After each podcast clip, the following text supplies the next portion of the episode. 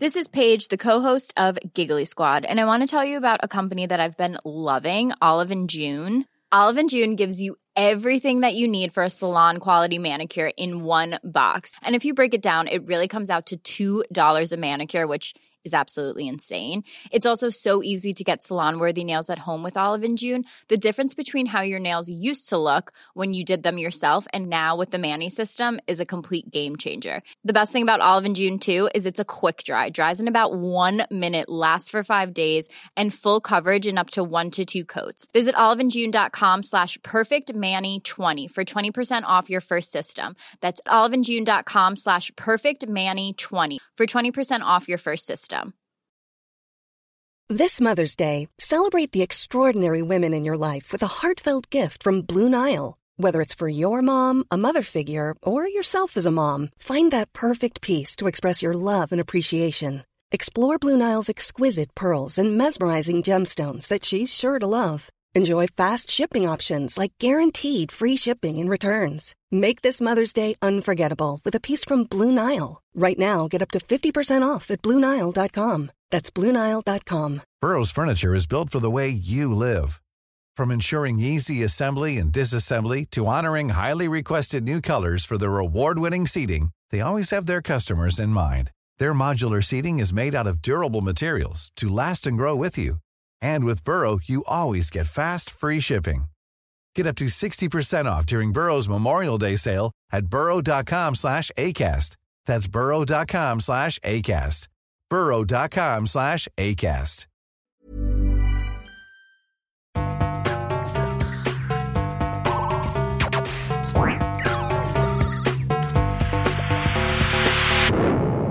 Velkommen til Sinnsyn. Jeg heter Sondre Risom Livre, er psykolog, og dette er Webpsykologens podkast. Hverdagspsykologi for fagfolk og folk flest.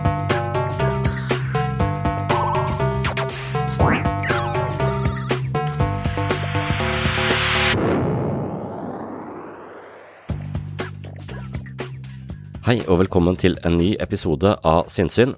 Jeg er fortsatt litt uh, forkjøla, men jeg skal uh, plage deg med en litt uh, rusten stemme i ca. fem minutter igjen, før vi går til andre del av uh, foredraget fra Lyngdal, som nå har blitt en dialog med publikum. Men før det så skal jeg snakke litt om det fortellende selve og selvbildet. Freud hevdet at mennesket er styrt av ubevisste krefter, og nyere forskning kan bekrefte at han var inne på noe.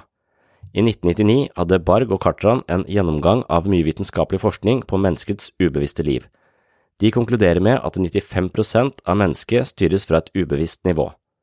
Det betyr at det store deler av det vi foretar oss i løpet av en dag, ikke er oppe til bevisst vurdering. Daniel Kahnmann skriver om det fortellende selve som har til oppgave å lage sammenhengende historier om oss selv, og disse historiene er ingrediensene i vår identitet eller selvforståelse men historiene er diktert av ubevisste krefter forankret i tidligere erfaringer. Vår selvbiografiske hukommelse er ganske skrøpelig og særdeles upålitelig. Vi husker bare små bruddstykker av vår egen fortid, men det fortellende selve kommer oss til unnsetning med konstruerte sammenhenger i vår egen historie om oss selv. Når vi forteller om oss selv, opplever oss selv i sammenheng med vår egen fortid, er det aldri en helt objektiv forståelse vi har. Da er det interessant å se på hvordan det fortellende selve velger å presentere oss. Det fortellende selve fungerer som et slags kommentatorspor til hele livet. Det snakker til oss hele tiden, men vi hører ikke nødvendigvis eksplisitt hva det sier.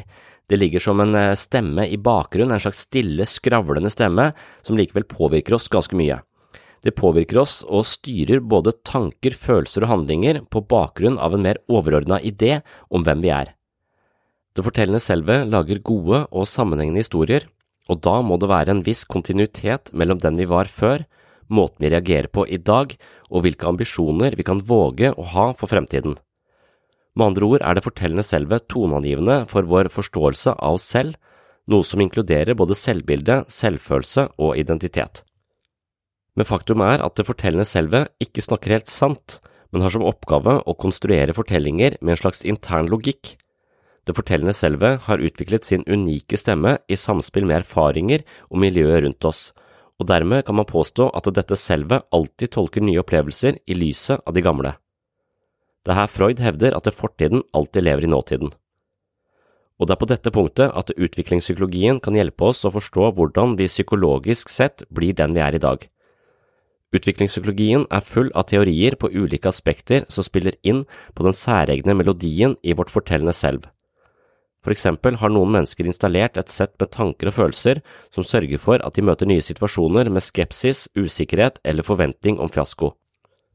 Alle nye inntrykk filtreres gjennom dette livsperspektivet eller denne fortellerstemmen, og naturlig nok kan et slikt eh, mentalt filter blokkere for vekst og utvikling.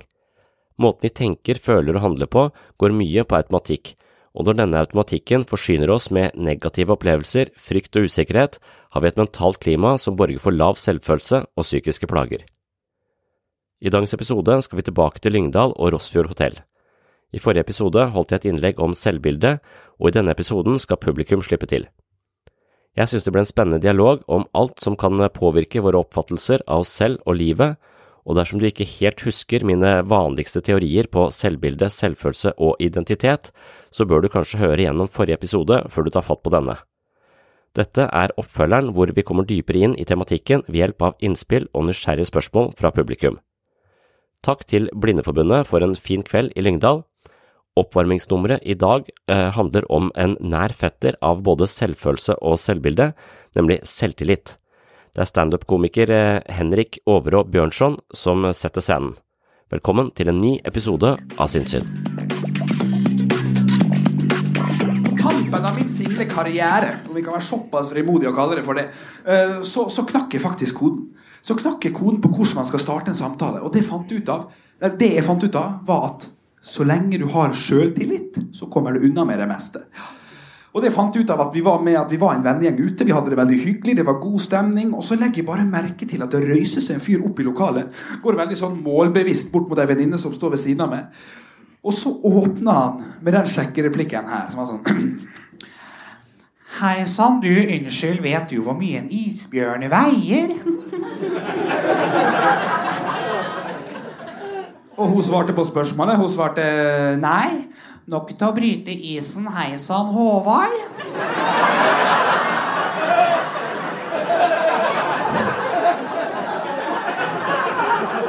Det er ikke lov, ass, det. Og det verste var at det funka. Det verste var at det funka. Hun venninna mi ble sånn Åh! Han var litt artig, den da. Hei sann, Trude, kom inn! Og bare sånn, ok og da tenkte jo jeg at da skal jeg ta nøyaktig samme setning, gå bort til første jente jeg ser, og se om det er så enkelt å komme i prat med noen. Så Bjørnson på med ti kilo sjøltillit og bare OK, kos dere, nå skal jeg akkurat gjøre det samme her. Skal vi se når da, OK, skal vi se, finner jeg søt der, finner jeg søt der, skal vi se. Ok. Halleis, du, unnskyld, vet du hvor mye en isbjørn veier, eller? Mm, ja, sånn ca. 500-600 kilo.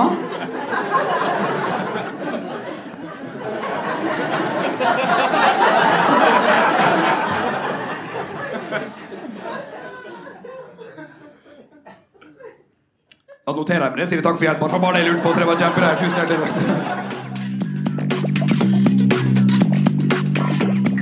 Ja, jeg syns kanskje det blir litt sånn usammenhengende, men, eh, men vi har kanskje et utgangspunkt for å snakke litt om det. Den, en, jeg ser, den, den mest sånn kjente setningen, eller uh, som er skrevet uh, som på sett og vis viser oss hvordan denne selvfølelsen vår eller selvbildet vårt er dypt forankra i oss fra tidlig alder. For det er det denne psykodynamiske skolen eller, eh, tenker, at vi, vi, formes som mennesker i kontakt med omgivelsene våre. Og spesielt de første leveåra er veldig viktige, for det er på en måte grunnmuren i selve personligheten vår blir satt. da. Så veldig mye av det vi ikke husker, påvirker oss mest. For det vi husker og kan forstå, det kan vi på en måte lettere korrigere for. Det er de tingene som vi bare blir fortalt, eller vi opplever uten at vi har noe forståelse å filtrere det gjennom, som ofte bare blir oss. Så det er jo de tidligste skadene som gjør den største eh, ja, de største smertene i voksen alder. Da. Eh, det er også sånne ting i, i, i psykologien. Og, og, det som, det som eh, Fairbairn har skrevet eh, han, En sånn setning som jeg syns oppsummerer nesten hele denne utviklingspsykologien veldig godt han sier at det er bedre for et barn eh, å være en eh, djevel i en verden styrt av Gud enn en engel i helvete. Og, og det er en det, det, viser så mye. For, det, poenget med det er vel at, at et lite barn er totalt avhengig av prisgitt omgivelsene sine. Eh, og hvis du fødes inn i denne verden og har omgivelser som ikke tar vare på deg, eh, så er du helt maktesløs. Og den følelsen av maktesløshet, den er for stor å bære. Så da vil barnet gjøre en eller annen sånn mental snuoperasjon hvor barnet tenker at det splitter på en måte verden, det gode og det onde, og tar det onde på seg selv. Fordi at verden er slem mot meg fordi jeg er en dårlig person, eh, så jeg fortjener det. Eh, egentlig så er de som skal ta vare på meg, snille, men de oppfører seg sånn fordi jeg er slem. Og da er du en, en, er du en djevel i en verden styrt av Gud, og det er mye bedre enn å være en engel i helvete. Eh, så, så på den måten så internaliserer ofte barnet skyldfølelsen, kan man si, eller årsaken til alt vondt. Da. Det er jeg som er problemet. Jeg er et problembarn. Og, og, jeg er ikke et, et godt menneske. Så, så, så de, og, hvis du har det som en sånn grunnleggende antakelse om deg selv, så vil du ofte gå gjennom livet og tenke at det er min skyld, eller det er typisk meg, eller jeg er feil. Eh, ofte legge deg under andre, ofte ta skylda for ting. Eh, ofte være klovn eller familiens syndebukk. Altså, det er så mange roller du kan gå inn i som på en måte speiler denne erfaringen du har fra tidlig tidspunkt, hvor det å nettopp være den som er årsaken til problemene, er en måte å overleve på. Det er en, det er en måte å se seg selv på som er helt maktpåliggende for å kunne overleve i denne verden hvor du er så sårbar og maktesløs. Ja, var fint. Ja. Så, eh, så, så, det er en sånn setning så, så Da får du sant, et operativsystem på et veldig tidlig tidspunkt. og veldig, Ofte så er det sånn at det som beskytter oss som barn, det blir mønster vi drar med oss inn i voksenlivet. Og da er det ikke lenger noe som beskytter oss, men noe som gjør at vi eh, havner i ubalanse i relasjoner, eller ikke kommer klarer å skape nære relasjoner til andre mennesker. Fordi at vi har disse grunnleggende antakelsene om oss selv som er installert pga. Uh, uheldige omstendigheter i, gjennom, uh, gjennom, oppveksten. Uh, og da ligger det dypt, og det er vanskelig å, uh, å forandre. Og hvis du eh, forandrer det, så, så, er du i fritt fall, for da vet du ikke hvem du er lenger. Det er det som også er så, så veldig mange som går i psykologisk behandling, de sier at de, de ble verre av å gå i psykologisk eller en eller annen form for psykoterapi. Og da er du jo ofte på rett, på rett spor for det. Du må på en måte miste dette fotfestet og denne fastlåste ideene du har om deg selv. Eh, og når du ikke lenger har de, hvem er jeg nå?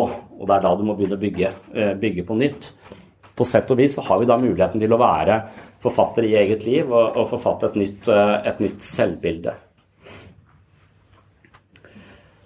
Så jeg vet ikke om, vi, eh, om, det er noen innspill her, eller noen spørsmål, eller eh, noe vi kan dvele videre ved. Ja. Jeg, tenkte på det du snakket om, det, basketballspilleren min som jeg visualiserer og trener på det. det altså, for å si det sånn at uh, mange av oss har jo kanskje bare en 3-5 synsvær, og noen har ingenting. Og det er klart at jeg er jo en golfspiller. Og jeg er avhengig selvfølgelig for å få informasjon hvor langt det er til hullet, eller hvordan banen er. Og så må jeg visualisere det. Jeg trenger litt tid. Derfor har jeg fått det unntaket. Jeg kan bruke litt lengre tid å adressere det før jeg slår ballen. Jeg er helt avhengig. Hvis ikke jeg tar meg tid til å visualisere det, så går det til helsike i skauen. Altså. Mm. Så det, det, der, og det tror jeg er veldig viktig. Det er iallfall sånn som orientering. Jeg tror jeg alltid har gjort ubevisst. Ja, jeg har nok rent på Jeg visualiserer. Var i Oslo nå to dager. Og da er jeg litt kjent fra før. Så tenkte jeg vel, hvis ikke gatelegemet er, er annerledes, så vet jeg akkurat når jeg skal gå. Så hun spør meg skal vi gå hen. Men hadde ikke jeg tenkt igjennom dette jeg tørrtrent på, så hadde jeg ikke klart det. Nei. Og der tror jeg kanskje vi kan komme inn, at du kan komme inn med, med de teoriene og den erfaringen du har, sammen med oss. Som, uh, det er ikke alle som tenker kanskje over det. Kanskje det kan trenes. Mm. For de som har dårlig orienteringssans. Kanskje det er noe av det at vi er så forskjell på oss. Noen er gode til å orientere oss, og andre er veldig dårlige. Mm. Altså, jeg synes det, var, det, det, er en av de tingene som, som uh, slo meg ut ifra mye av dette. Og det går òg utover selvbildet. Ja. ja. Og det, det, akkurat det med stedsansen, det er litt uh, men, men, det er jo det, det som noen som heter brødrene Dreyfus har snakket om en slags omvendt læringshierarki. Um, og det betyr jo at uh, at idet vi, uh, i det vi trener på noe nytt, så blir vi veldig bevisste. Vi må uh, tenke oss om, vi må se det for oss osv. Men i den prosessen hvor vi er veldig bevisste, så er vi heller ikke spesielt proffe. Uh, men der vi må være bevisste og bevisste og bevisste så lenge at dette blir nærmest automatisert i oss. Og når det blir automatisert, og vi har en god autopilot f.eks. på å spille golf eller på å finne uh, fram, så kan vi stole på magefølelsen. Jeg tror det er det vi kaller magefølelse. Men, men, før det så må det bli veldig sånn bevisst. Og, og, da Det handler kanskje litt om en, for, for, meg så er det sånn F.eks. med fotball så syns jeg så syns jeg at eh, jeg tror jeg kan spille ganske bra hvis jeg ikke tenker meg om. Men med en gang jeg blir bevisst om min for eksempel, litt dårlig selvfølelse på fotball, spiller og sier nå må du spille bra, nå er du observert, eh, på en måte, så blir jeg amatøren. Jeg får ikke til eh, Mens hvis jeg er selvforglemmende til stede i det, så bare, så bare gjør, jeg, gjør, jeg, det. Så så, men da, må jo, vi må først være bevisste og amatører, for så å bli profesjonelle. Men idet vi er profesjonelle og bare eier dette og har totalt tro på at dette kan få til, så ligger det ofte på et lavere nivå i hjernen, så vi trenger ikke å bruke så mye energi, eh, energi på det. Så man kan si golf, finne fram, eh, eh, og, men da også denne hvordan vi vurderer eh, oss selv og vår egen verdi i møte med andre mennesker, f.eks.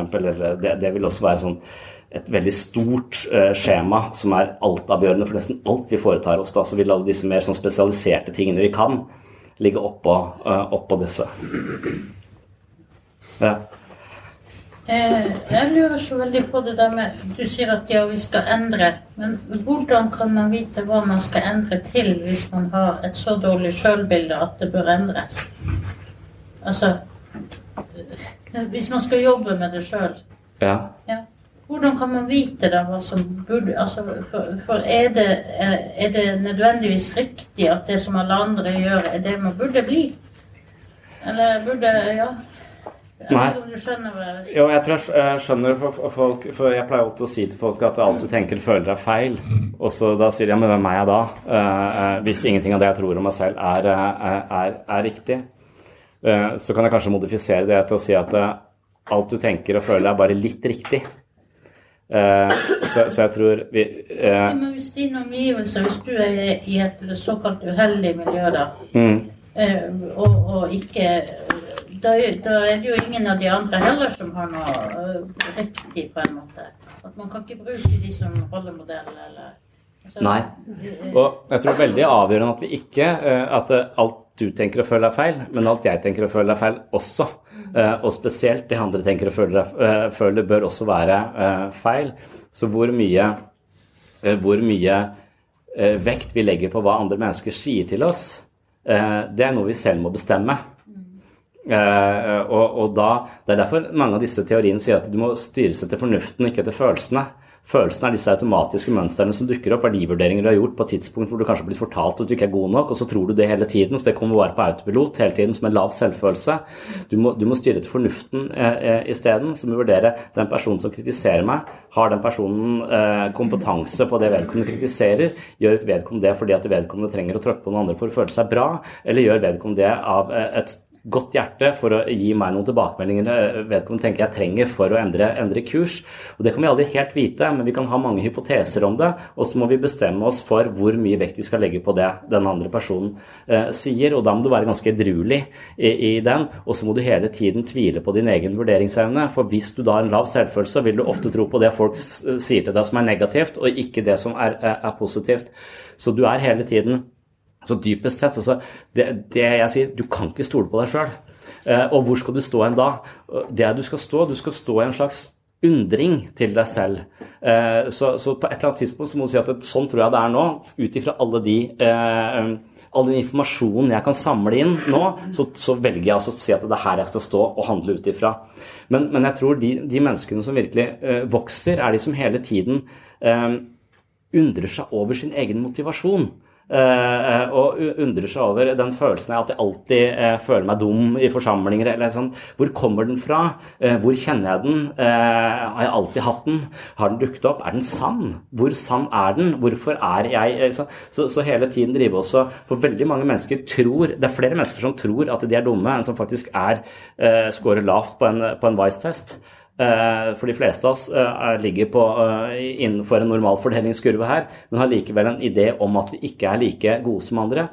Og faktum er jo da at det ofte blir sant. Fordi vi nettopp ikke tør å trene eller ta ordet eller ta den utfordringen. Og når vi aldri gjør det, så mangler vi mengdetrening. Og da blir vi jo dårlige. Så det vi tror, kan bli sant. Eh, men dermed så må vi aldri tro Vi må hele tiden drive og vurdere ting på nytt og på nytt. Så det Freud sier om at ting er overdeterminert, det betyr at det, hver gang du gjør noe, tar en avgjørelse i en eller annen situasjon som er litt avgjørende, så, eh, så er det tusenvis av faktorer som sørger for at du tar den avgjørelsen. Eh, og hvis du mistenker at mange av de er negative, at du egentlig burde tatt den utfordringen istedenfor å gå hjem, eh, eh, så, så, så, bør du undersøke de og gjøre de bevisst. For hvis du ser at det, det er fordi jeg alltid har blitt fortalt det opp igjennom, alle har henledet meg til å tro at jeg ikke mestrer dette her, men, men egentlig så har det ikke noen god, god, grunn for å si det, men det har blitt min sannhet. Dette har jeg gjort om til min sannhet.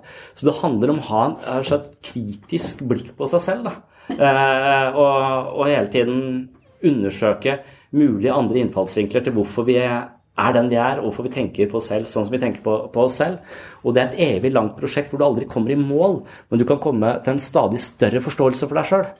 At du på en måte hele tiden endrer deg kontinuerlig og, og, og, på en måte korrigerer etter hver gang du har tatt en bestemmelse på hvordan du vil oppføre deg. Og så kan du neste gang du får en sånn mulighet at du endrer litt i andre veien fordi at det du gjorde sist, var ikke helt bra? Det er det du sier, at du hele ja. tiden på en måte så Psykologien kan hjelpe oss, for psykologien er full av historier på hvordan mennesker dannes og, og, og blir til, og vi har mange negative livsmønstre som man kan kanskje plassere i visse kategorier, og så er det noe du kjenner deg litt igjen i. Og Hvis du klarer å få et språk på det, og forstå det, så kan du ofte kjenne det igjen i, i, i deg selv. Uh, og det er ingen som er bedre på det enn Kevin Vågenes uh, i, uh, i, parterapi. Altså han, han, tar alle våre dårlige egenskaper på kornet, og så bare blåser han det opp for oss, og så viser han oss det på, på TV. Og det er helt utmerket, for det, liksom, han gjør det stort og synlig, og da blir det kanskje lettere for oss å kjenne det igjen i, i, i oss selv. Så han er en slags kollektiv psykoterapeut i mine, i, i mine øyne. Eh, så, så det, er, det, er, interessant å, uh, interessant å se. Så, så, jeg tror at eh, hvis, hvis, du har, hvis, du har, mer kunnskap, så har du også Psykologi er jo bare språk. Det handler jo bare om å sette språk på alt det som før ikke hadde noe språk. For da lå det bare i skyggen av hva det kunne se. Men med en gang vi kan gi det et språk, så kan vi se det. Eh, og det handler ikke om å være mer eller mindre svaksynt, det handler bare om å, kunne gi det eh, dette her, det som vi bare gjør på autopilot og på automatikk, eh, stoppe opp. For det er det som gjør oss til mennesker. altså Vi kan, vi kan hemme impulsene våre istedenfor å handle instinktivt. Så kan vi stoppe opp og, og, og, vurdere våre egne instinkter og putte språk mellom impuls og handling. Og jo mer språk vi har tilgjengelig mellom impulsene våre og handlingene våre, jo større sjanse er det for at vi gjør gode avgjørelser. Men det er ikke noe du bare kan gjøre én gang. Uh, og det er det som er litt fortærende. For det, den, det er som den pustinga du gjorde i går, holder deg ikke i live i dag. Det er ikke sånn at du pusta så mye i går at du kan slutte å puste i dag. Eh, eller gjennom helgen. ikke? Så, sånn er det litt, sånn er det litt med, med, bevisstheten om vårt eget indre liv også. At vi må gang på gang på gang på gang eh, ta oss selv i denne automatikken hvor jeg uh, er passivt aggressiv hjemme og prøver å gi kona mi dårlig samvittighet. For hvis jeg holder på på den måten, så skaper jeg en vegg mellom oss, og det går ikke bra. Uh, så jeg må gang på gang oppdage det ved meg selv hele tiden. Og, og, det er den nysgjerrigheten og, da egentlig den tvilen på at det jeg nå mener er korrekt, og sannheten sannsynligvis bare er midlertidig og ofte ikke sant i det hele tatt. I hvert fall eh, kun i nærheten av sant, og ofte langt fra sant. Særlig når jeg er på vårt, eh, vårt dårligste. Så vi kommer nok aldri De, de som leiter etter seg sjøl, eh, på en måte, de, det tror jeg er et litt sånn fåfengt prosjekt. For det første så tror jeg vi endrer oss fra hvert møte vi har med, med et annet menneske. Og det syns jeg er en fin måte å tenke på det på. Altså at Jeg tenker på meg selv som veldig sånn dialogisk eller relasjonell av na natur. At, at, jeg i at, at, når jeg møter mennesker som snakker til meg og gir meg en eller annen tilbakemelding Jeg sitter i gruppeterapi hver dag, så jeg får mange tilbakemeldinger. Det er som om de menneskene tar bolig i meg og blir en del av meg. Altså, det, det blir min indre Eh, når jeg skal drøfte ting for meg selv og undres over hvem er jeg, så har jeg meg med den, den, den og den og den personen. Selv om ikke de nødvendigvis er bevisst til stede, så er det deres stemme jeg bruker for å undersøke meg selv. Det er deres eh, opplevelse av meg sett utenfra, for de ser jo meg utenfra. Jeg ser jo ikke alltid den flekken jeg står på. Så ofte så kan andre mennesker se meg selv klarere enn jeg selv kan. Og derfor så blir vi ofte større ved, ved å kunne våge å ta inn andre menneskers perspektiver. Da. Og så føler jeg at andre mennesker setter spor i meg. Så, så, mennesker jeg kun møter, får god relasjon til, som jeg vet bare skal vare i 14 dager. Jeg har en redaktør på en bok jeg skrev. Jeg fikk et veldig godt forhold til han, likte han veldig godt. Følte han satt mange spor i meg. Nå ser jeg han aldri lenger, men likevel så bor han i meg, liksom. og, og som en, som en, ting som har utvida meg litt. Eller som en ting som, som, er noe godt i meg. Og så er det folk som behandler oss dårlig, som er ofte De sporene trenger vi kanskje ikke å, uh, å ta så mye hensyn til, ha så, så mye, mye, med oss. Ja. ja. Du, jeg lurte bare på den boka du snakka om. Og Når kommer den ut? Du hadde skrevet et kapittel i den, var det sånn, eller åssen? Du, ja. du, begynte med å snakke om ei bok. Ja, for å være helt ærlig, så, uh, så er den uh, de i den de syns at jeg skriver på en måte de ikke helt er så begeistra for. Så jeg er litt usikker på, uh, på når, uh, når, det eventuelt Og hvis det, hvis det kommer. Jeg vet ikke, det er, Men det skal være en lærebok. Uh, det, men jeg har skrevet to bøker om selvfølelse og selvbilde. Så, du det, ja? Det, så, så det, og så har jeg skrevet en bok om min egen utviklingsprosess i møte med det religiøse. så det finnes på den hjemmesiden som heter webpsykologen.no. Og hjemmeside på, sa du? Webpsykologen.no. Webpsykologen.no. Mm. Det er en hjemmeside jeg har hvor, hvor, hvor, du får kjøpt de tre bøkene jeg har skrevet, men det er også 800 artikler der du kan lese uten å betale noe. Uh, ja, nei, men, men jeg, det, det, jeg er mest opptatt av, er, er eh, den podkasten som heter Sinnsyn. Uh, det er også gratis, så, så, så, det får du på alle smarttelefoner. Og for meg så er nok uh, internett i ferd med å bli lyd. Jeg tror ikke at folk leser så mye lenger. Jeg tror at vi ofte hører ting isteden, og det har i hvert fall blitt en del av min hverdag. Vi hører lydbøker hver dag, og jeg hører podkaster, for jeg har for mange barn til å få tid til å lese. Jeg skal prøve på lydbiblioteket. lydbiblioteket. Jeg vet, jeg kommer ikke inn der. Jeg, jeg må jo Det er ikke for alle. Eller kan jeg Kan jeg snakke med noen av dere og få et passord? Eh, eh, ja. Da var det der nede, så tar vi Vi rekker alle spørsmål nedover etter hvert. Ja, ta deg først. Jeg tenker på det du sier om at uh, hvis det skulle skje en ulykke, at uh, du er redd for at du ikke kommer At du bare kommer til å flykte. Men når dette du sitter på et fly, og flyet styrter, da må du først tenke på deg sjøl. Før du kan begynne å redde barna dine eller ektefellen din. Ja. For dette, da må du først ta på deg maska. Mm. Og når du har fått på deg maska, så kan du ta deg av barna dine eller din kone. Ja, det er jeg helt enig i. Så, så, så, det er så, så det, det ja. Ja, så det, det, er også ofte et bilde som brukes på ikke å være selvutslettende. Eh, så at gode hjelpere er flinke til å ivareta seg selv. Og det, det er også noe jeg uh, har snakket mye om. Også. Jeg elsker en bok som heter 'Against Empathy'. Uh, som handler om at vi ikke skal ha så mye empati, for empatien vår er ofte skakkjørt. Uh, akkurat som frykten vår er skakkjørt og blir til angst. Så, så hender det at noen hjelpere f.eks. har så mye empati for andres smerte at de overtar andres problemer og overhjelper de og gjør de små. Uh, eh, så, eh, eller at de har et behov for å være, være, være viktig. Så en rasjonell empati, altså hjelpe, ikke hjelpe folk med ting de kunne klart sjøl, for da gjør de de på en måte hjelpeløse. Det, det, er litt der, Du må ta vare på deg selv også, for ofte så blir folk oppslukt av andres problemer og går til grunne. Så istedenfor å ha én person med et problem og en person som kan hjelpe, så har vi to mennesker med problemer. For den ene har overtatt problemet til den andre og får ikke sove lenger. For den tenker så mye på hvordan den andres problem. Og da, det, det, er den empatien som blir for, for nær og for uh, oppslukende. Så det bildet brukes ofte, uh, ofte for å illustrere at vi er nødt til å ivareta oss selv for, for å være en god hjelper for for noen andre, og det er jeg veldig, veldig for. Men akkurat i denne filmen som jeg snakker om, så, uh, så tar han ikke på seg noe maske for å redde seg selv. Han redder mobiltelefonen sin og lua. Uh, og det er ikke fullt så viktig. Så, selv om Wifi og mobil nå ligger på, i Maslows behovshierarki som det første vi har behov for. Først er det Wifi, og så er det mat på andre plass og trygghet. Ja. Mother's Day is around the corner. Find the perfect gift for the mom in your life with a stunning piece of jewelry from Blue Nile. From timeless pearls to dazzling gemstones, Blue Nile has something she'll adore. Need it fast? Most items can ship overnight. Plus, enjoy guaranteed free shipping and returns. Don't miss our special Mother's Day deals. Save big on the season's most beautiful trends. For a limited time, get up to 50% off by going to BlueNile.com.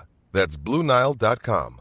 I'm Sandra, and I'm just the professional your small business was looking for. But you didn't hire me because you didn't use LinkedIn jobs. LinkedIn has professionals you can't find anywhere else, including those who aren't actively looking for a new job but might be open to the perfect role, like me. In a given month, over 70% of LinkedIn users don't visit other leading job sites. So if you're not looking on LinkedIn, you'll miss out on great candidates like Sandra. Start hiring professionals like a professional. Post your free job on linkedin.com/people today. Burrow's furniture is built for the way you live. From ensuring easy assembly and disassembly to honoring highly requested new colors for their award-winning seating, they always have their customers in mind. Their modular seating is made out of durable materials to last and grow with you. And with Burrow, you always get fast, free shipping. Get up to 60% off during Burrow's Memorial Day sale at burrow.com slash ACAST. That's burrow.com slash ACAST. burrow.com slash ACAST.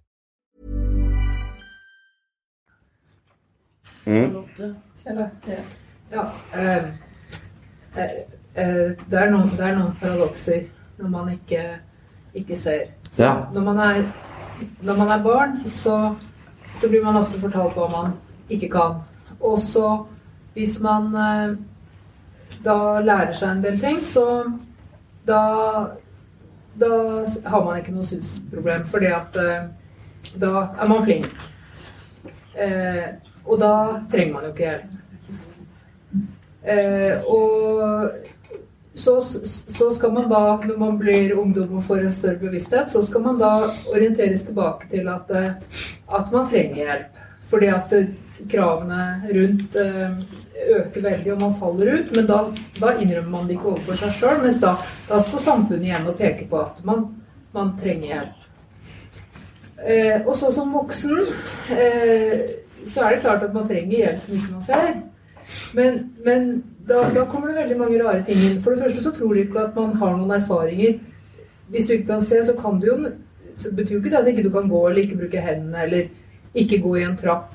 At du må ta en rulletrapp eller en heis, ikke sant?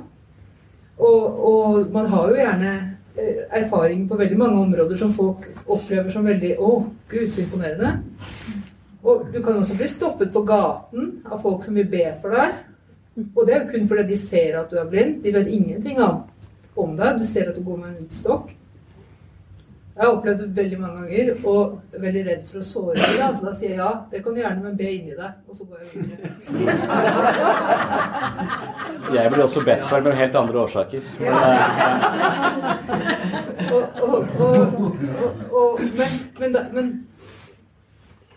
alle disse her, alle disse her begrensningene som blir satt Enten så du, for, for, kan du ikke gjøre det fordi du ikke ser, eller så er du for flink. Da, da, da, du, da, ser, har du ikke de utfordringene du har allikevel. Så du kan på en måte ikke heve deg opp på et nivå der du kan, der du kan fungere best mulig ut fra dine forutsetninger, og der du kanskje har lagt innsats inn i å, å, komme dit og, og sånn. Du, da, skal, da, skal, du reduseres. Men, men uh, hvis du kan hjelpes, dyttes i huet og ræva og, og bæres og sånt ja, da, da, passer du greit inn. Mm. Nei, skjønner. Jeg skjønner, skjønner hva du mener. Uh, men um, Ja, jeg uh, jeg vet ikke helt jeg skal, hvordan jeg skal kommentere. Jeg vet ikke om det er noen paralleller til det jeg opplever at uh, i gruppeterapi med mennesker som ikke sliter med synet, men som sliter med, med, andre ting, så, så er de på en måte De kommer uh, Det er tydelig for noen mennesker jeg opplever som veldig sårbare. Der er jeg mer høflig og tilbakeholden. Eh, og, og de signaliserer at de heller ikke på en måte tåler at jeg er direkte eller ærlig, eller så, sånn, at, sånn, at, de på sett og sier en, de, gir et inntrykk at noen ting orker ikke jeg å ta innover meg, så, så trå litt forsiktig. Og, og, og, det tenker jeg det er der vi jobber. Og, så, og hvis, de, hvis, de, får det bedre med seg selv, så merker jeg at tonen min eh, overfor de er at jeg kan, jeg kan kødde med de, jeg kan eh, være frekk med de på sånn måte jeg er frekk med mennesker jeg er glad i. For jeg forventer at de også er, det er en slags anerkjennelse i at dette, eh, dette tåler du. Så vi to kan spøke med hverandre fordi vi er likestilt. Eh, og når vi kommer dit, så er de ofte eh, ferdig i, eh, i, i, i psykisk helsevern. Så det er som om at noen mennesker av de jeg møter, de har plassert seg selv på en slags lavt på en rangstige på et eller annet tidlig tidspunkt i livet sitt. Hvor, hvor, hvor, det, hvor jeg tror det finnes et sosialt hierarki mellom, mellom mennesker. Jeg tror, tror, barn blir enten slått eller et eller annet, de plasserer seg et eller annet sted. Eh, og, og, så blir de værende så lever de livet sitt som om de var der. Og når jeg f.eks. møter deg, så får jeg en fornemmelse for at de legger seg under. Og da gjør de meg til noe som er her oppe, og det er et slags ubehag i å være noe som skal være bedre enn. Og så er det noen som setter seg over deg og får deg til å føle deg eh, eh liten. Så Sosial kompetanse handler om å være så trygg på seg selv og så trygg i møte med andre at man kan gjøre andre likestilte. Men det er jo ikke så mange av oss som klarer det. Det er jo liksom en slags livskunst. Og de som klarer det, har nok de beste relasjonene. Men Jeg vet ikke om dette har med det du sier, men jeg vet ikke om du føler at du sier at enten så blir du sånn folk er veldig beundret. 'Å, du klarer det. Sett deg litt der oppe.' Eller 'Nå skal jeg hjelpe deg, stakkars eh, lille deg.' Eller jeg vet ikke eh, Jo, det, det er ja. helt sånn. Jeg, jeg opplevde en gang Sto på perrongen til Flytoget. Og så åpner døra seg, og så kommer det en ut og sier 'Hei, jeg jobber på Flytoget. Trenger du hjelp?' Ja. Og det er jo så lett å si ja. Jeg skal på toget. Kan du hjelpe meg å finne en plass? Ja det, det opplevde jeg som en likeverdig mm. måte å, å, be om hjelp på. Mm. Mens, mens, andre kommer liksom og Å, stakkars deg, jeg, mm. jeg, skal hjelpe deg. Mm. ja. det, det, er veldig mye mer ubehagelig. Ja. Uten at du har definert hva jeg trenger eh, hva, ja. hva jeg trenger eh, hjelp til. Eller uten at de har, har, har altså, jeg, jeg, kan ikke, jeg, kan jo ikke, se de eller lese de eller vite hva slags hensikter de har. Skal de hjelpe å dytte meg ned i grøfta? Skal de hjelpe å, å, å løfte meg opp på, på tronen? Altså, hva slags hensikter har de? Det er dama som sier 'Hei, jeg jobber på Flytoget, trenger du hjelp?' Ja, ok, da har hun definert hele forutsetningen for meg. Mm. Det, er jo, det er noe som gjør at når du da du, du, føler det blir feil for de som kommer og stopper deg på gata, har aldri sett deg før og sier ja, jeg vil gjerne få lov å be for deg, så, så, så, så, føler du feil å si at ja, men det er bra, da skal jeg be for deg også. Ja. ja. men, men, det hadde jo vært fint hvis du kunne hatt det sånn. Ja. Da hadde det vært jevnlig. Men du føler at det, det, det, det nesten hadde blitt fornærmende tilbake igjen. Ja, ja. Men det blir spennende. Ja, ja. Det er de jo likestilt, da. Jeg ber på deg, du ber på meg. Ja, det er sant. Jeg vil ikke holde det løftet. Nei. Nei. Ja, men jeg tror det er noen som har behov for å fylle på kvoten sin, og hvis de finner noen som de kan plassere på et litt annet nivå enn seg sjøl, som de kan eh, lure seg sjøl til å tro de er gode mot, så får de liksom få denne godhetsfølelsen i seg.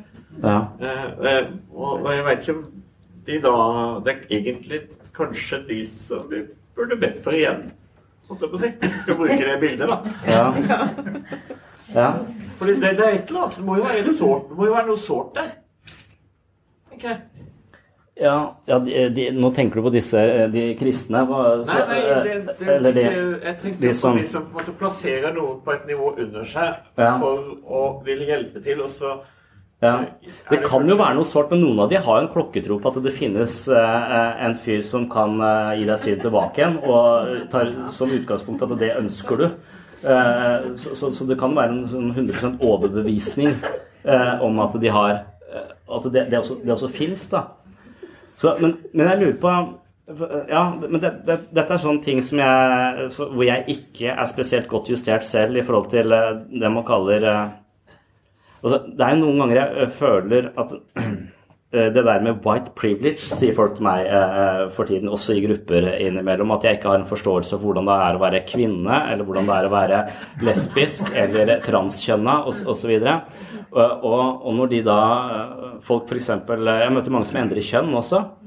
Og, og, noen som endrer kjønn, så, så, så, er det hvis dere Har noen hatt sånn lek hvor sier det er ikke lov til å si ja eller nei, den her med barna mine? Og det er dritvanskelig på et eller annet stille Ja, og så Å nei, så har du tatt den. Og sånn er det litt med å plutselig si et annet kjønn på en person også, som du er vant til å si han til, som du plutselig skal si hun til. Og hvis de da blir veldig krenka over at jeg sier hun når jeg skulle sagt han, eller, eller motsatt, og lei seg, så blir jeg så ekstremt nervøs av å være, uh, være rundt dem. Men heldigvis så, så, så de menneskene jeg møtt, de, de, har, de er ikke så sårbare.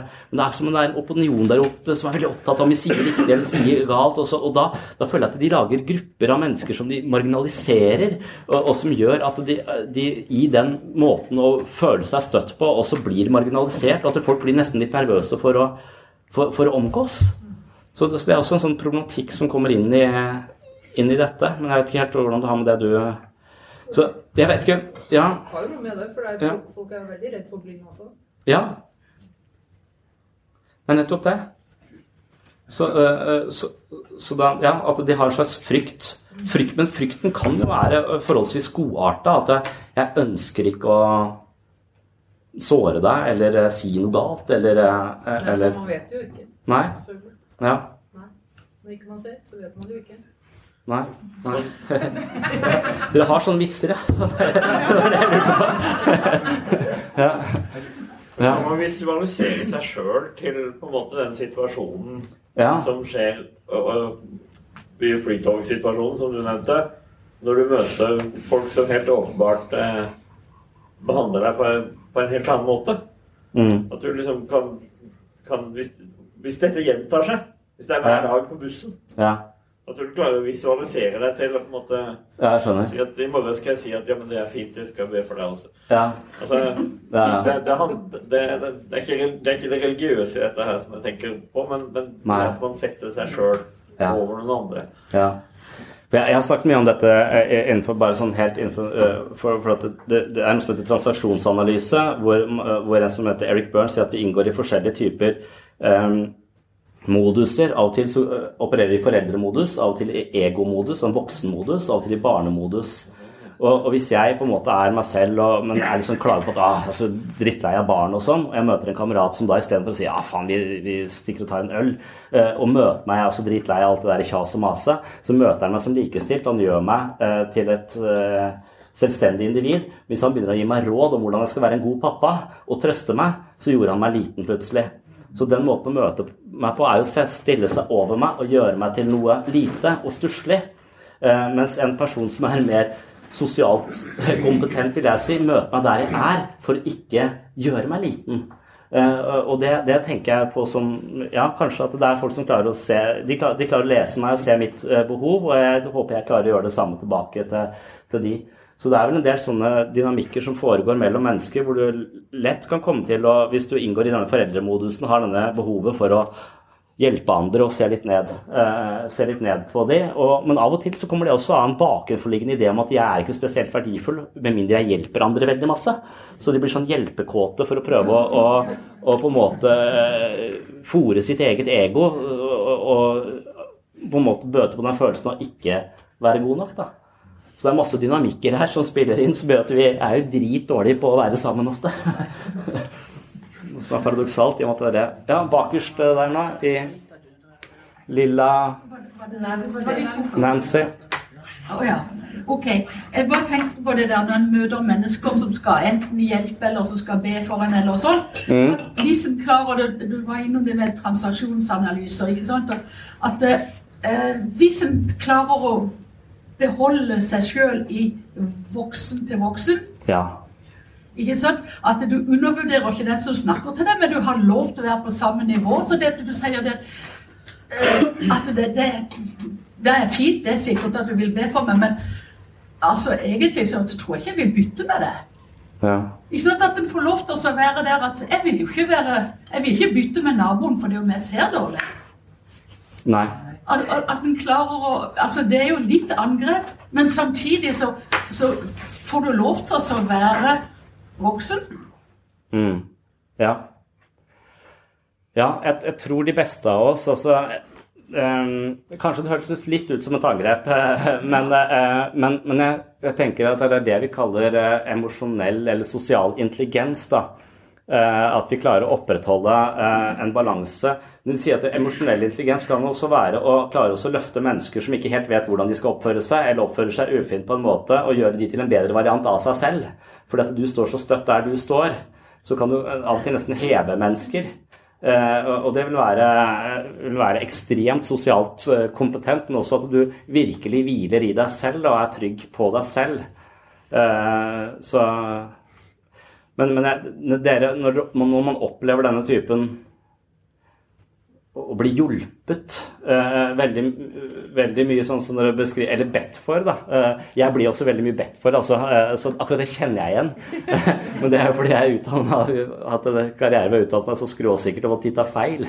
Så det er jo derfor de tror jeg kommer til å brenne langt inne. så det er det de er bekymra for i forhold til meg.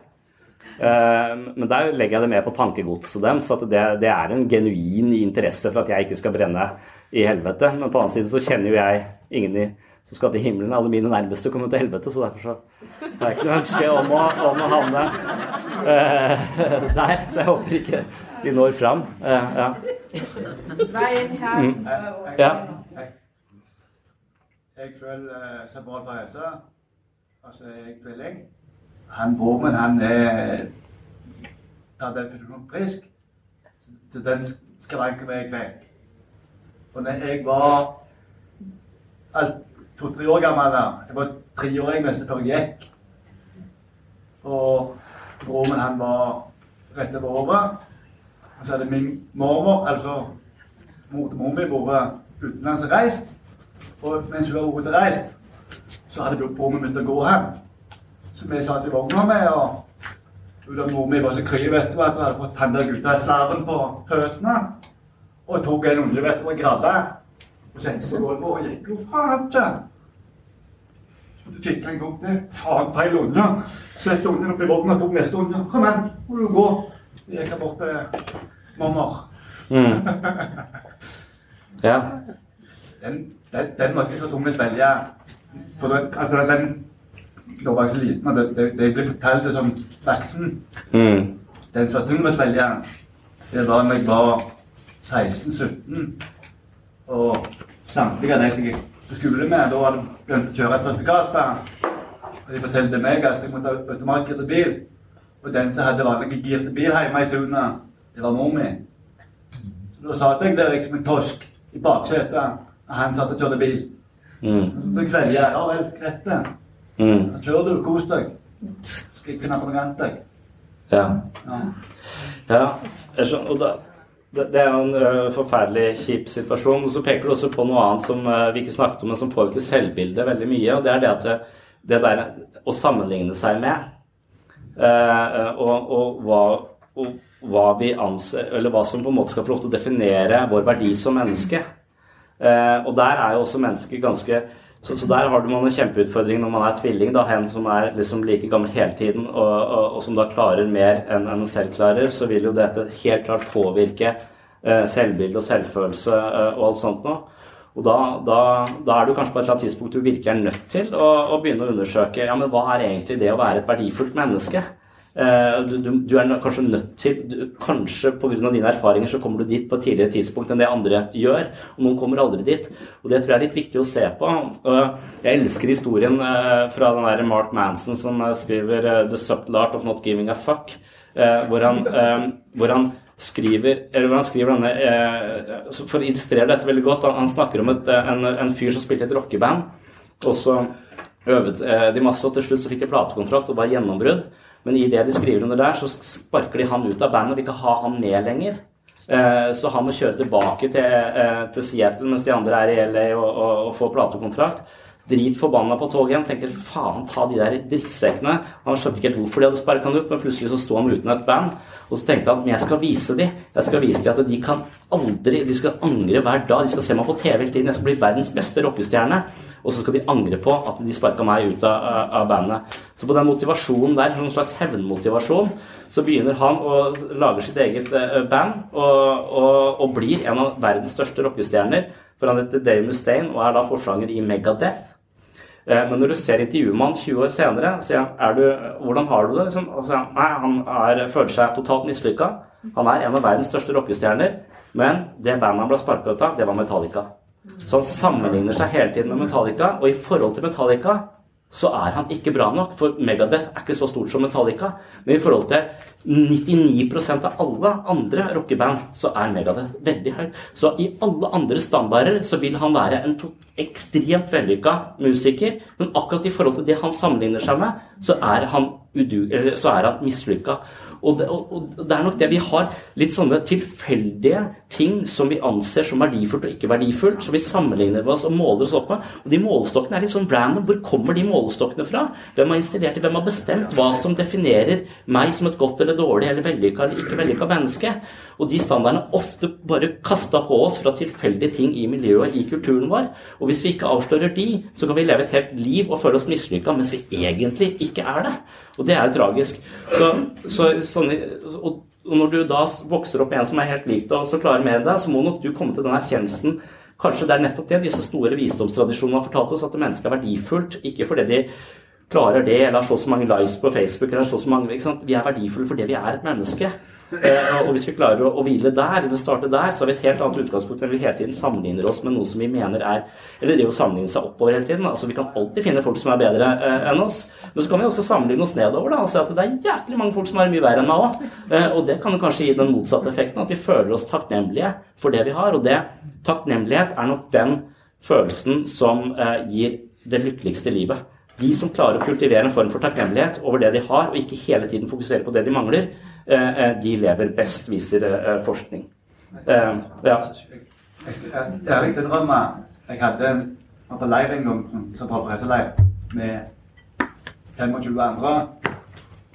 Og jeg var vel bortimot den eneste som sprang i gang vet Da hadde jeg 14 dager, så jeg var omtrent hos St. Peter og dunkte på døra hver, hver dag, vet du. Ja. Og da var det plutselig en som var hadde føttene med deg og hang på i svingene, i stedet for at du hele veien hei, hang etter rundt leggen på gården eller et eller annet, fordi at du mm. ikke fikk, fikk, det til å fungere. Ja. Mm. Ja. Jeg tror det er min tur. Ja. det, er, det, er, veldig interessant. Jeg synes det er gode spørsmål. Uh, jeg, det, dette er bare Jeg tenkte på Du sa hvis du har en mor som har kjefta på deg, og en far som har vært fraværende, og en bror som har heva seg sjøl altså, Så du finner ikke fram hvem du er i denne verden. Hvor begynner du å nøste da? Jeg, altså, så, så, tenker jeg er nøkkelen òg da Tvil på seg sjøl. Å undre seg over seg selv. Altså Mm. Hvorfor kopierer jeg denne gjengen? Neste uke er jeg i ny gjeng. Hvorfor kopierer jeg denne gjengen? Altså, hvor begynner han hen? Ja. Så det er noen mennesker som er som, nesten som kameleoner fordi de mangler dette, dette, dette selve. Men, men, men, men, jeg liker også han, eh, en av de få psykologene som har hatt nobelpris, eh, eh, som har skrevet boka 'Thinking Fast and Slow'. Eh, han snakker om at vi har to forskjellige selv. Vi har et selv som opplever øyeblikket, men så har vi også et narrativt selv eh, som forteller historier om hvem vi er. Eh, og det narrative selvet er som en sånn bakenforliggende melodi til hele livet vårt. og det er også på en måte den fortellerstemmen vi har. For, for hukommelsen vår er elendig. Så vi husker bare øyeblikksbilder her, der, der. Noen husker mer enn andre. Jeg husker f.eks. ingenting. Jeg husker ikke hva jeg gjorde forrige fredag. Eh, eh, så, eh, så, jeg er helt blank når det gjelder Folk snakker om hva som skjedde på barneskolen, så jeg husker ingenting av, av, av det der. Så, så, så, men, men, heldigvis har vi et fortellende selv som husker øyeblikksbilder. Og alt det som er imellom, det bare fyller vi inn. og det det, vi lager sammenhengende historier om hvem vi er. Så hvis vi blir hele tiden, hvis vi blir kronisk kritisert, da, så får vi ofte en negativ fortellerstemme som hele tiden driver og kritiserer, kritiserer oss selv. Eh, og det er nesten mer sammenhengende enn å ha en som kritiserer, en som roser det. For da blir det så, det blir så ubalanse. Man føler ikke at det er noen sammenheng i den jeg, den jeg er. Så, det kan, også, så det, det kan også på en måte skape uro i denne fortellerstemmen, som er slags den bakenforliggende melodien vi har til livet vårt, som alltid eh, ligger i bakgrunnen og styrer eh, alt, alt, vi foretar oss. Så hvis vi har en god og balansert fortellerstemme, så, uh, så, vi, så, lever vi ofte et godt liv. Men hvis vi har mye negativitet i det, så bør vi begynne å istedenfor bare ta den for gitt, begynne å lytte til den og si at ja, den tonen der, den er ikke min. Den, den, den vil jeg skifte ut med en annen, med en annen tone.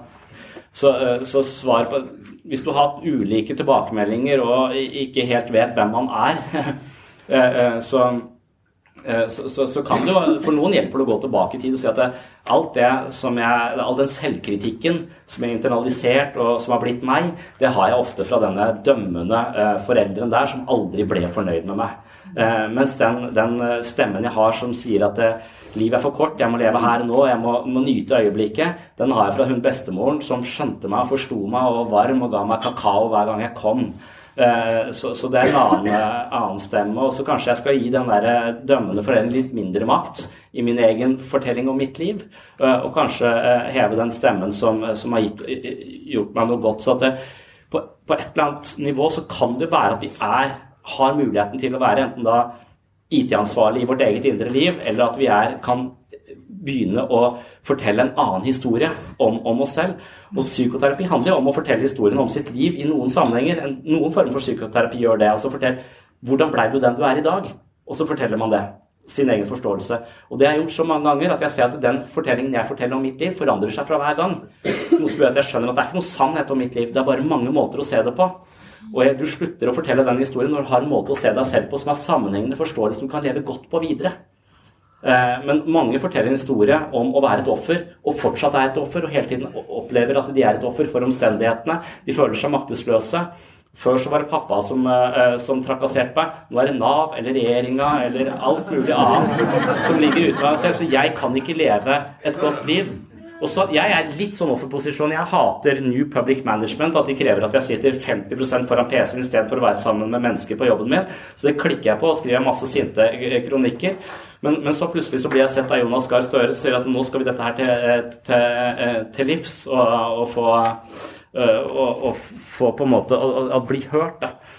Og, ja. Så, så, så, du må Igjen handler det om selvbevissthet på, på mange måter. Ja. Tatjana. Men hvis den selvbevisstheten din Hvis setter du da sier det sånn som du opplevde det. Og så får du beskjed om at nei, men vet du hva, det der det stemmer ikke. Det, det er ikke riktig. Og hva Åssen skal man da takle det? Jeg mener eh, Altså, det er jo reelt, det en har opplevd. Altså en mor og et barn de, de kan oppleve samme tingen, men barnet opplever det på sin måte, mens mor opplever samme situasjon på sin måte. Men så sier altså så blir man da fortalt at det, sånn som man har opplevd det sjøl, det er ikke riktig. Men det er jo det som er riktig, for dette det er jo det som er Det som man sjøl har opplevd. Det, det, det er jo reelt. Er det ikke det? Ja Jo. Uh, man, man skal, det, er, men det er en slags hersketeknikk å prøve å stjele folks historie, på en måte. Uh, og det kan høres ut som det er litt det jeg gjør, men men, men, når du sitter i parterapi og folk forteller om én ting som skjedde i forrige uke, så virker det som de kommer fra to forskjellige planeter og forteller om to helt forskjellige virkeligheter. ikke sant? Så, så det er helt klart at folk fabrikkerer, og det er det jeg sier, at alle mennesker fabrikkerer sin egen variant av virkeligheten. Og den er på ingen måte objektiv.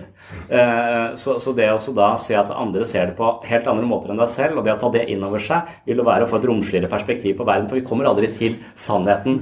Absolutt. Vi kommer til en mer eller mindre god forståelse flere perspektiver vi har på det, jo større. Men, men, mange mennesker har jo intensiver som gjør at jeg vil ikke eh, anerkjenne fortiden. Jeg har fabrikkert en helt falsk uh, forståelse av fortiden. fordi hvis jeg skal ta inn over meg at jeg ikke var en god nok pappa, f.eks., så, så orker jeg ikke å leve mer, nærmest. Altså at vi har altfor mye investert i å se verden på en bestemt måte, for hvis ikke så faller vi faller vi sammen.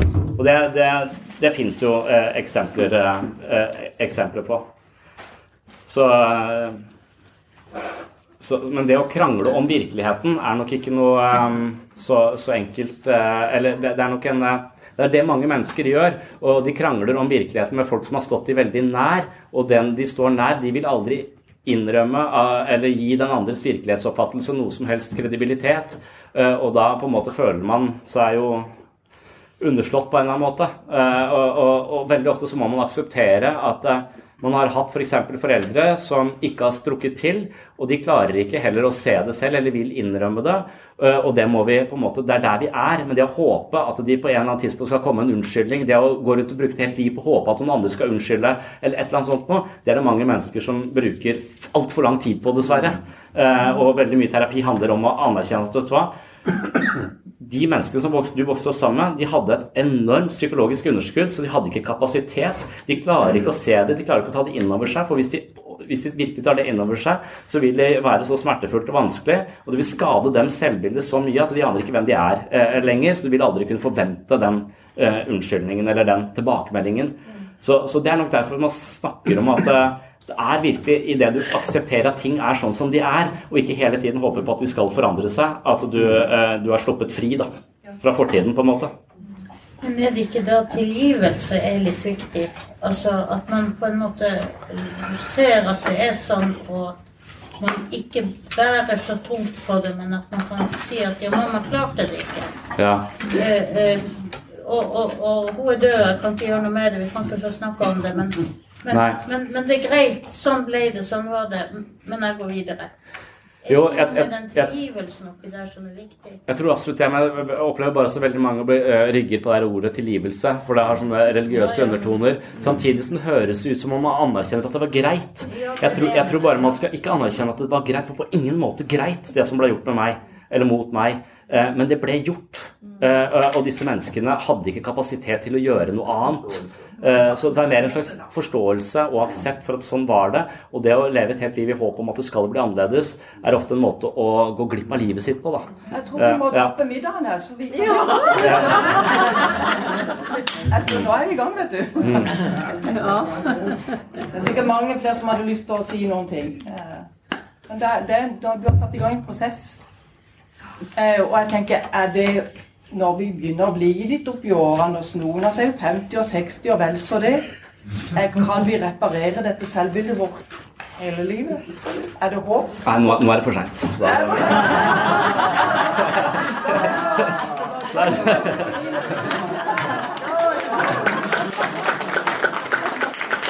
men jeg, jeg mener at vi er jo Jeg er annerledes når jeg går ut herfra. Jeg har fått mange innspill. Så jeg, har jo, jeg er jo ikke den samme når jeg går ut herfra som jeg var da jeg kom. Og, og forhåpentligvis, så Vi setter jo spor i hverandre hele tiden, så vi forandrer oss hele tida. Så, så jeg tror ikke at eh, jeg tror, man kan, jeg tror man med fordel kan holde på å å undersøke dette hele livet, og at det ikke er noe aldersgrense på når man kan og ikke kan forandre seg. det høres bra ut. Ja.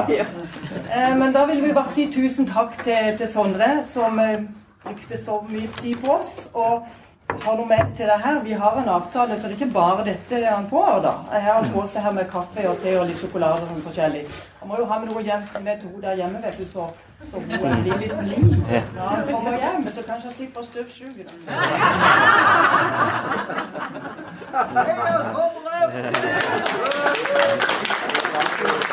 Jeg tror jeg må jo få en klem eller? Tusen takk for at du kom, og vel, vel hjem. God tur hjem. Takk for det. Pass deg for, de an- pass deg for alle de gale traf- eh, Trailersjåførene. Ja, Ja, Jeg vet. Jeg var borti noen i stad. Mm. Ja, takk for eh,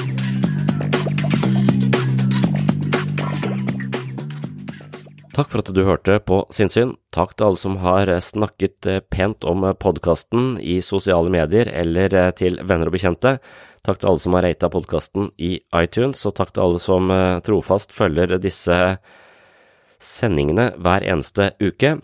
Vi øker eh, stadig i antall lyttere, og når jeg spiller inn dette, som da er eh, nesten et år siden i forhold til når du nå hører det, så ligger vi på en 15 000-16 000 lyttere hver eneste uke, og det er veldig bra.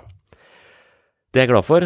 Poenget med denne podkasten er jo å spre nysgjerrighet og skal vi se, kunnskap, i den grad det er noe kunnskap å hente her, men iallfall nysgjerrighet og interesse for menneskets eh, indre liv. Og hvis du synes det er et fornuftig prosjekt, eller et spennende prosjekt, så kan du da spre ordet om denne podkasten til de folka du har i din orbit.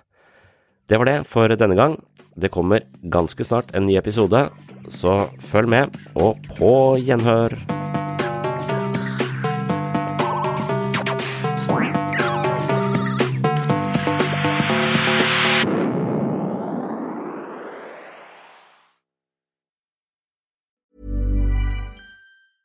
A lot can happen in the next three years. Like a chatbot may be your new best friend. But what won't change? Needing health insurance. United Healthcare Tri Term Medical Plans are available for these changing times.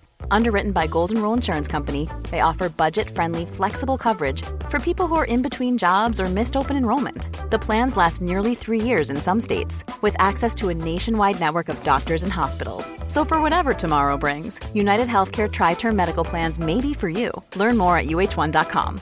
Want flexibility? Take yoga. Want flexibility with your health insurance? Check out United Healthcare Insurance Plans. Underwritten by Golden Rule Insurance Company, they offer flexible, budget friendly medical, dental, and vision coverage that may be right for you. More at uh1.com. Mom deserves the best, and there's no better place to shop for Mother's Day than Whole Foods Market. They're your destination for unbeatable savings, from premium gifts to show-stopping flowers and irresistible desserts. Start by saving 33% with Prime on all body care and candles. Then get a 15-stem bunch of tulips for just $9.99 each with Prime. Round out Mom's menu with festive rosé, irresistible berry chantilly cake, and more special treats. Come celebrate Mother's Day at Whole Foods Market.